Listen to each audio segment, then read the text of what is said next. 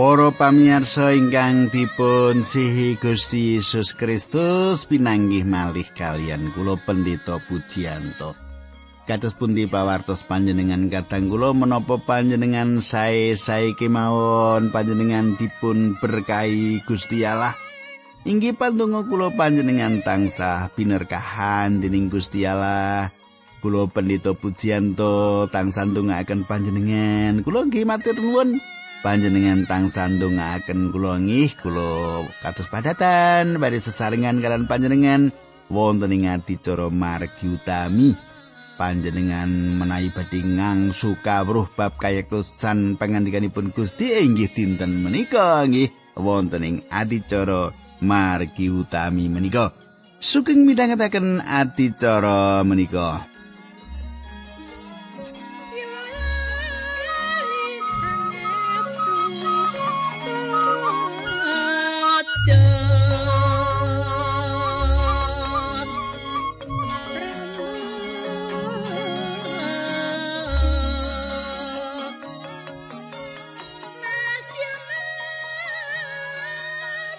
Para pamirsa ingkang kula tresnani menapa panjenengan tasih kemutan menapa ingkang kula aturaken duk nalika pepanggihan kepengker menika. wonten ingkang kemutan, wonten ingkang boten nggih panji. Kita menika ngrembak bab serat Rom menika saestu awrat nggih. Saestu awrat awit panci isinipun masalah wucalan-wucalan dasar nggih. Pokok-pokok doktrin nggih awit saking menika kedah dipun gatosaken kanthi saestu. Nah, kadang kula ing pepanggihan kepengker kita sampun nyemak kados pundi Paulus nyetakaken bilih Sang Roh Allah menika mitulungi kita ing wekdal kita ndedonga. Salajengipun kados pundi kelajenganipun kita badhe nyemak nanging saderengipun menika monggo kita tumungkul kita ndedonga sesarengan. Duh Kanjeng Rama ingkang adhedhampar wonten kraton ing kasuwargan kawula ngaturaken gunging panuwun menawi wekdal menika kawula saged tetunggilan kalian sederek-sederek kawula wonten ing adicara menika. Kawula nyuwun supados menapa ingkang kawula andharaken menika maringi kegiatan maringi panglipuran dhateng sederek-sederek kawula menika. Kawula pasrahaken wonten ing asta paduka linambaran asmanipun Gusti Yesus Kristus kawula netunggal. Haleluya. Amin.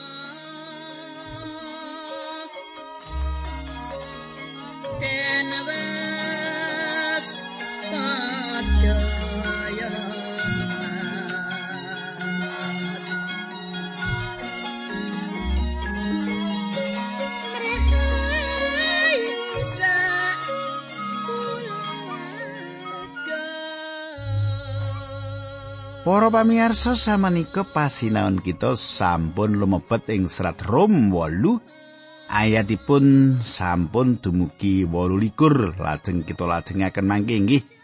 Nah samenika kita lumebet ing salebeting kersanipun Gusti Allah ingkang enggal. Menawi Rom panci kitab paling ageng kabanding kitab-kitab sanes ing kitab suci niki. Lan pasal 8 menika tondo pasang pramila ayat 28 menika puncakipun.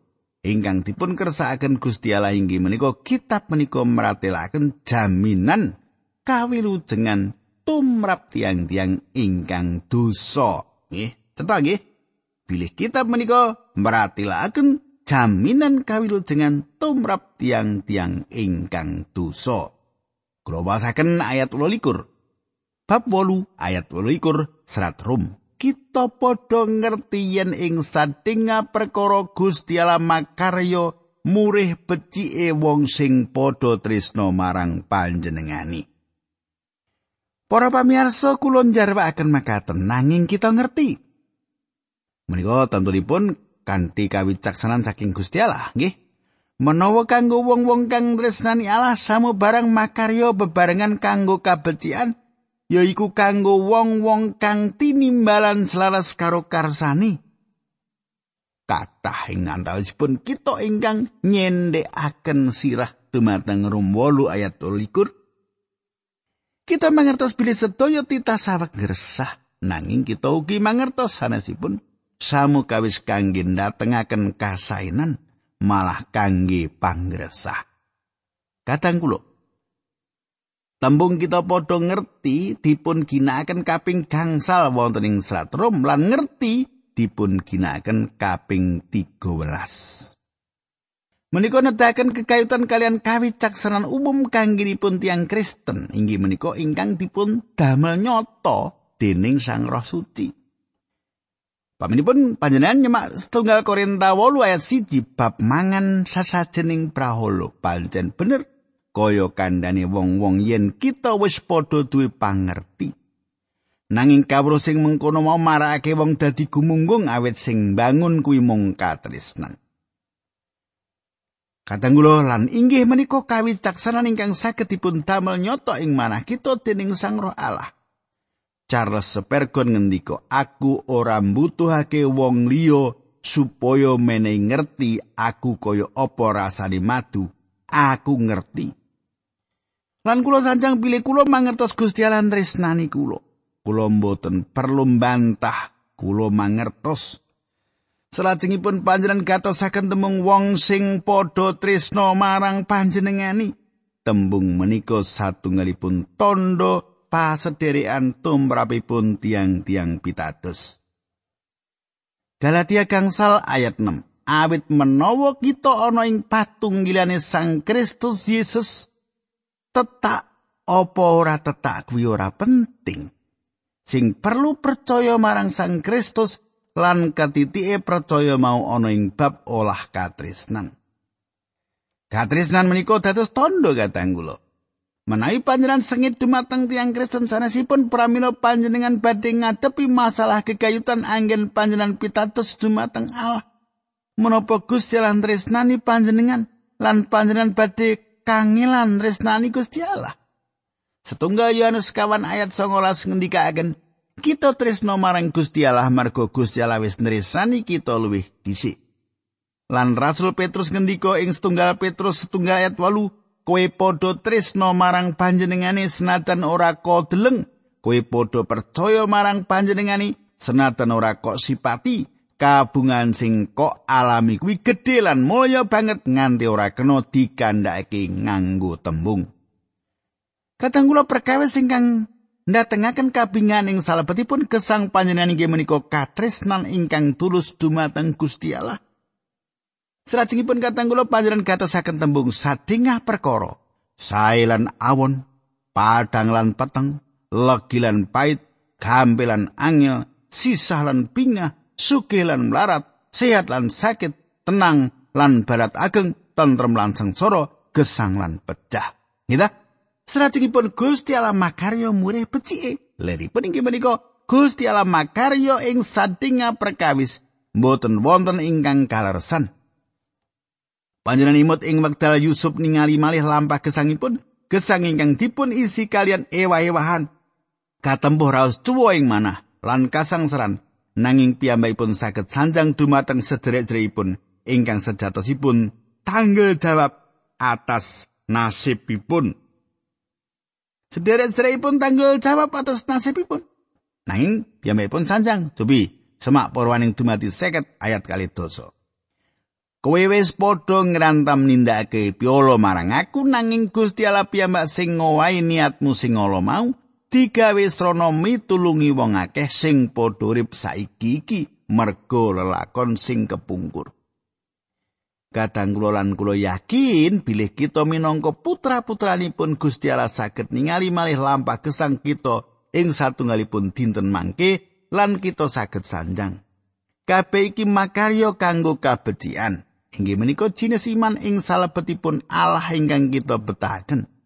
Kita mangertos bilih panjenenganipun badhe akarya samukais pakaryan kangge kesaenan. Awit panjenenganipun ingkang dereng kita. panjenenganipun menika ingkang ngerakaken patrap sae menika. Kala-kala kita ndedonga kados Yeremia kenging menapa patuko ngetingalaken masalah menika dumateng kula. Yeremia 11 ayat 18. Kados menapa endahipun menawi saged ngelampai gesang lan pati tanpa raos ajri. Kadang kula samenika panjenengan katosaken samukawis makarya kangge kesainan kangge tiang-tiang ingkang tinimbalan lan perkawis menika selaras kalian rancangan Allah. Perkawis menika angel dipun mangertos dening kathah tiang ingkang tinimbalan inggih menika tiang-tiang ingkang boten kemawon nampi ajaan nanging ingkang purun hanampeni lan tiang-tiang menika lahir saking ngaluhur tiang-tiang menika mangertos saking pengalaman gegayutan katresnan Allah. Paulus nyetakaken bab tigang golongan tiang lan manut kula tiang-tiang menika. Inggih menika tigang golongan ingkang wonten ing salebetipun jagat jaman samenika. Setunggal Korintus tunggal ayat 3 likur ngantos 4 likur nyerat makaten nanging tumrap kita kita padha martakake bab Sang Kristus sing disalib ya kuwi pawarto sing kanggone wong Yahudi dadi sandungan. Marakake tumibeng dosa lan tumrape wong dudu Yahudi wong kafir pawarto mau sawijining perkara sing ora tinemu ing nalar. Nanging tumrape wong sing padha katimbalan tining Gusti Allah warga Yahudi wong kafir bab Sang Kristus kuwi panguwasa lan kawicaksanani Gusti Allah. Kula angka setunggal bangsa Yahudi pitados dumateng agami tata cara upacara agami lan gegayutan kalian tata cara agami Kanggenipun bangsa Yahudi salib menika satunggalipun sandungan. Angka kalih bangsa Yunani, bangsa sanes Yahudi pitados dumateng filsafat lan kawicaksanan manungsa. Kanggenipun bangsa Yunani salib menika perkawis ingkang tanpa teges, ora tinemu nalar, gitu. Angka tiga ingkang tinimbalan inggih menika golongan tiang Yahudi ugi tiang Yunani ingkang pinilih sanes sawit agami utawi kawicaksananipun. Gusti Allah nimbali tiang-tiang menika kangge tiang-tiang menika salib inggih menika kados dini dinamit kagungan Allah kangge kawilujengan. Ingkang tinimbalan mirengaken timbalan Gusti Allah menika. Kadang kula ingkang ical panji ical. Awit tiang-tiang menika gadah kekajengan ingkang kados makaten. Mboten wonten tiang ingkang wonten ing bumi menika ingkang dipun peksa supados ical. tiang-tiang ingkang ical awet tiang-tiang menika milih makaten menika menawi panjenengan dereng ngrukunaken pikiran kandi kekajengan lan kersanipun Gusti Allah inggih menika wektalipun panjenengan nindakaken awet jagat menika kagungan panjenenganipun panjenenganipun ingkang nitahaken kula mboten mangertos king menapa panjenenganipun nitahaken bumi bunder mboten kok kota panjenenganipun mboten nanggrati kula kados menapa bentuk bumi ingkang kula kajengaken? Puji piye kira-kira bumi sing kudu tak gawe iki? Mboten makaten mboten makaten Gusti Allah. Panjenenganipun andadosaken bunder awit panjenenganipun ngresakaken kados makaten nggih Hinggang dados kersanipun tentu kalaksanan lan panjenenganipun kaguan kawicaksanan lan pangwaos kangge nindakaken perkawis menika. Menapa kemawon ingkang Gusti Allah tindakaken inggih menika leres, ora ana sing luput. Ampun nate maitu Gusti Allah lan gadah pemanggih bilih panjenenganipun boten gadah hak milujengaken sinten kemawon ingkang badhe dipun wilujengaken. Panjenenganipun gadah hak nindakaken sedaya menika kadang kula. Panjenenganipun menika adil lan panjenenganipun menika kebak katresnan lan menapa kemawon ingkang dipun tindakaken Gusti Allah kula menika leres ora ana sing luput Kadang kula wonten ahli teologi jaman kepengker ingkang naminipun Simeon ing Rom 8 ingkang isinipun khotbah-khotbahipun piyambakipun sanjang wonten tigang alasan kenging menapa piyambakipun mucalaken doktrin pemilihan. Menika sami kalian nebasaken kapak ing oyot kumingsun. Ing oyot gumedhe, ing oyot nglokro. Kula setuju menapa ingkang dipun sanjangaken menika. Mboten wonten papan kangge watek gumedhe ning manungsa ing salebetipun doktrin pemilihan. Pemilihan inggih menika pakaryanipun Gusti Allah kawicaksanan lan kersanipun panjenenganipun kemawon ingkang kalaksanan. Kersanipun Gusti Allah mandap saking kelanggengan ingkang langkung. Ampun gadah pikiran panjenengan saged ngendhekaken. Samenika rum 8 ayat 29 ngantos tigang dosa. Wong sing wis dipilih dening Gusti Allah kuwi uga wis disengker supaya dadi padha kaya putrane ya kuwi Gusti Yesus Kristus supaya sang putra mau dadi pembarep ing antaraning sedulur akeh. Mulane wong sing wis padha disengker kuwi uga sing padha ditimbali lan sing padha ditimbali kuwi sing ditunggilake karo sarirani lan wong sing padha ditunggilake kuwi sing padha diparingi panduman kamulyane Sang Rama. Para pamirsa, ayat-ayat menika wonten kegayutan kalian ayat 21. Menika kangge ngemutaken kita pilih Paulus mboten saweg kerembak sinten kemawon ingkang dipun pilih dados ingkang kedaica. nanging Paulus ngrembak bab tiang ingkang tinimbalan tiang-tiang ingkang dipun garisaken garis mboten nate gadah sumber pitedah menapa kemawon tumrapipun ingkang kedah ical garis mboten kekayutan kalian tiang-tiang menika. Garis gesang ateges pilih ing medal Gusti Allah milu jengaken panjenengan. Panjenenganipun badhe mitulungi panjenengan. Ingkang panjenengan tepang. Dipun garisaken dening panjenenganipun lan ingkang dipun garisaken panjenenganipun dipun timbali lan ingkang dipun timbali panjenenganipun dipun beneraken panjenenganipun lan ingkang dipun beneraken panjenenganipun menika dipun luhuraken. Indah ta wah seneng aku percaya Yesus kuwi. Nah kanthi tembung sanes perangan ingkang ngetapi-tapi menika wonten ing salebetipun panyucen. Nanging Paulus malah mboten nyebataken bab panyucen menika. Kenging menapa? Awit panyucen inggih menika pakaryan ala ing salebetipun manah lan gesang tiang pitados. Para pamirsa inggih menika ingkang dipun kersakaken kelanggengan Allah. Liripun ingkang sejatosipun inggih menika ing wekdal Gusti ingkang dados pangen agung saking mindo-mindo. Pangen ingkang sae saking mindo-mindo kagunganipun lan kepolo pangen saking minda-mindo wiwit kanthi gadah 100 mindo panjenenganipun badhe rawuh beto 100 mindo lan panjenenganipun boten badhe kecalan sinaosa namung tunggal saking mindo-mindo menika.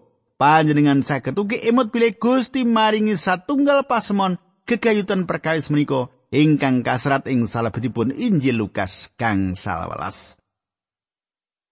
Wonten satunggal pangin pangin ingkang sae ingkang gambaraken Gusti Yesus wonten satunggal mindo sepuh ingkang kesasar ical Gusti Yesus inggih menika pangen mboten sak limrahipun pangen.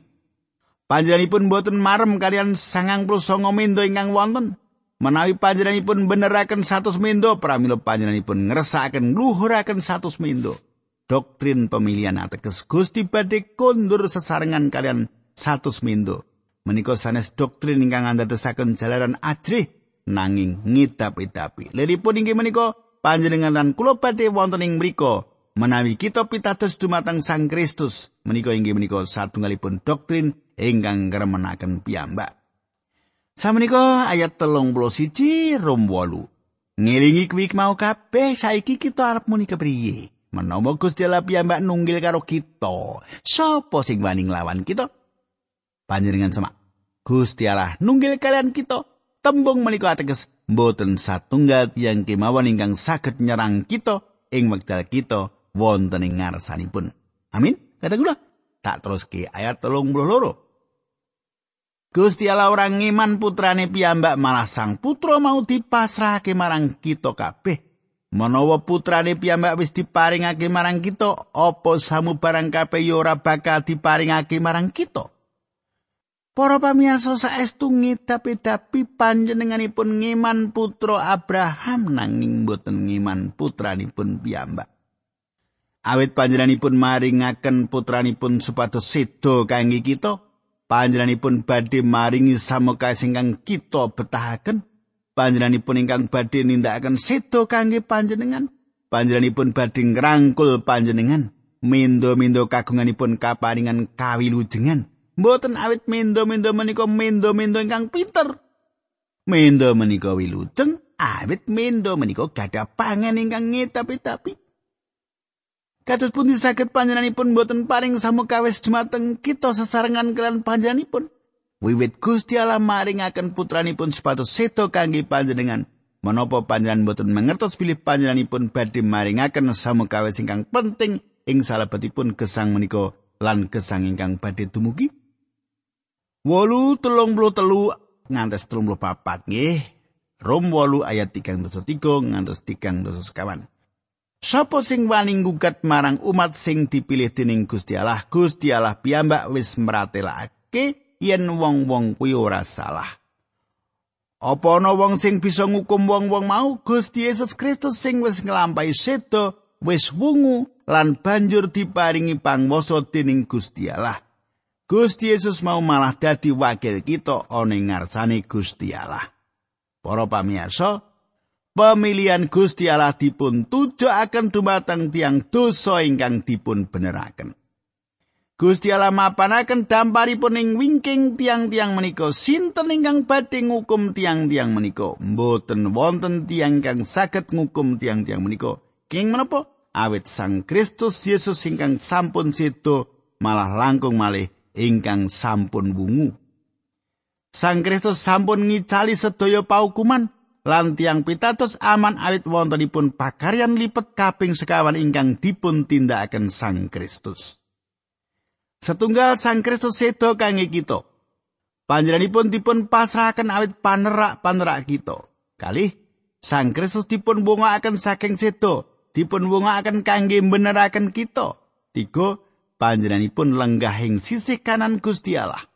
Panjenenganipun Sang Kristus ingkang gesang, menapa panjenengan betahaken panjenenganipun? Kenging menapa panjenengan boten nyuwun dumateng panjenenganipun? Sekawan, panjenenganipun dados ingkang mbelani kita. Menapa sampun panjenengan tungakaken badan panjenengan piyambak? Kedahipun sampun panjenengan saged ugi kasepen ndedonga nanging panjenenganipun boten panjenenganipun ndedonga kangge panjenengan ngedapi-dapi nah ayat tigang dosa kangsal rom wolu. Sapa sing bisa misake kita saka si sang Kristus? Apa kasusahan? Apa rekasaning urip? Apa panganiaya? Apa keluhan? Apa kemiskinan? Apa bebaya? Apa pati? Kadang menapa sakit kesangsaran utawi masalah sakit misakan kita? Mboten sebab panjenenganipun mboten ngersakaken perkawis menika dumados panandang utawi kasangsaran panjenengan saged ugi kada pikiran Gusti Allah ndadosaken cuwaning manah panjenengan nanging panjenengan sejatosipun mboten makaten menika panganiaya menika ateges panganiaya ingkang sah Liripun wonten tiang-tiang ingkang ngumandangaken lumawan panjenengan nanging siraosa kados makaten boten badhe misahaken panjenengan kalian katresnanipun Sang Kristus. wolu tigang dosa enam. Nggih, rom wolu ayat tigang dosa enam.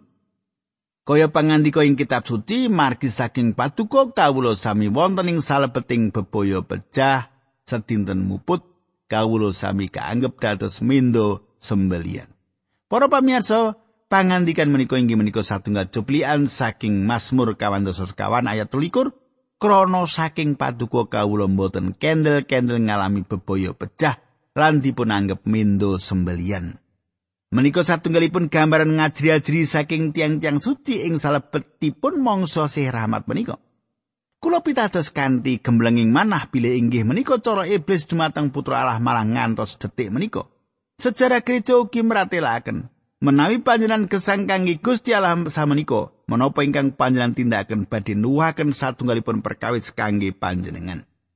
Rum 8 ayat 37 ora mengkono kita unggul ing ngatasi kuwi mau kabeh merga panjenengane wis ngasi kita. Kadang kula kenging menapa mendo sembelian nglangkungi tiang-tiang ingkang mimpang inggih menika lelawanan ingkang ngitapi-tapi sanesipun saking iman Kristen. Menapa leripun nglangkungi tiang-tiang ingkang mimpang? Leripun inggih menika nampeni pitulungan saking ingkang sanes ingkang nampeni kamimpangan kangge kita ingkang boten nate ngejaraken kita dipun kawonaken. Kamimpangan inggih menika kagunganipun Sang Kristus sanes kita.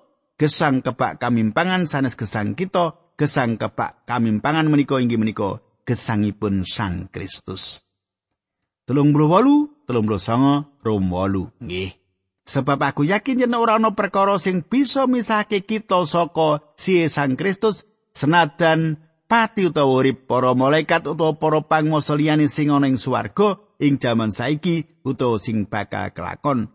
Senajan jagat sing ana ing dhuwur utawa sing ana ing ngisor lan titah apa wae ora ana sing bisa misahke kita saka si Gusti Allah sing wis kita tampani lantaran Sang Kristus Yesus Gusti kita. Kadang kula sebab aku yakin neripun Paulus mangertos, pati mboten saged misahaken kita kasunyatanipun, pati badhe nuntun kita ing salebeting ngarsanipun. Tanggapan saperangan ageng tiang Kristen kawitan ingkang martir ing wekdal tiang-tiang menika dipun ancam badhe dipun percaya inggih menika. Matur nuwun, kowe kabeh bakal nggawa aku pasone ngarsane Sang Juru Wilujengku. Panjenengan boten badhe tega nyakiti tiang-tiang ingkang kados makaten menika. Gesang kala-kala langkung angel ngadepi gesang ketimbang pati, nanging coban-coban gesang gagal gesang, cuwing gesang boten gumathok ing gesang. Lan kasang saran boten badhe misahaken kita saking sehipun Gusti Allah ingkang wonten ing salebetipun Sang Kristus Yesus Gusti kita. Amin kadang kula. Malaikat-malaikat, manut kula malaikat-malaikat inggih menika malaikat ingkang dawah. Pemerintah-pemerintah lan panguwasa-panguwasa inggih menika mangsa-mangsa kasuk tiyang pitados. Semak Efesus 6 ayat 12. kang ana saiki ateges kahanan-kahanan ing wanci menika kang bakal teka nedahaken ing mangsa tepi sae nginggil ugi wonten ing ngandhap saged ngarah ing tebihaken jamaning pundi kita gesang utawi titah sanes nyakup samukawis sanesipun ingkang badhe dipun sebutaken babar pindah mboten wonten ingkang saged misahaken kita saking seipun Gusti Allah ing salebetipun Sang Kristus. Kadang kula kawilujengan inggih menika satunggalipun cariyos katresnan kita tresnani panjenenganipun sebab panjenenganipun sampun langkung rumiyin tresnani kita mboten wonten ingkang saged misahaken kita saking panjenenganipun. Monggo kita tumungkul kita tetunggu. Dukan yo roming swarga kawula ngaturaken kuing panuwun menawi wekdal menika kawula saged tetunggilan kalian sedherek kawula lan kawula sampun ngedum berkah dumateng sedherek kawula dinambaran asmanipun Gusti Yesus Kristus kawula netunggal. Amin.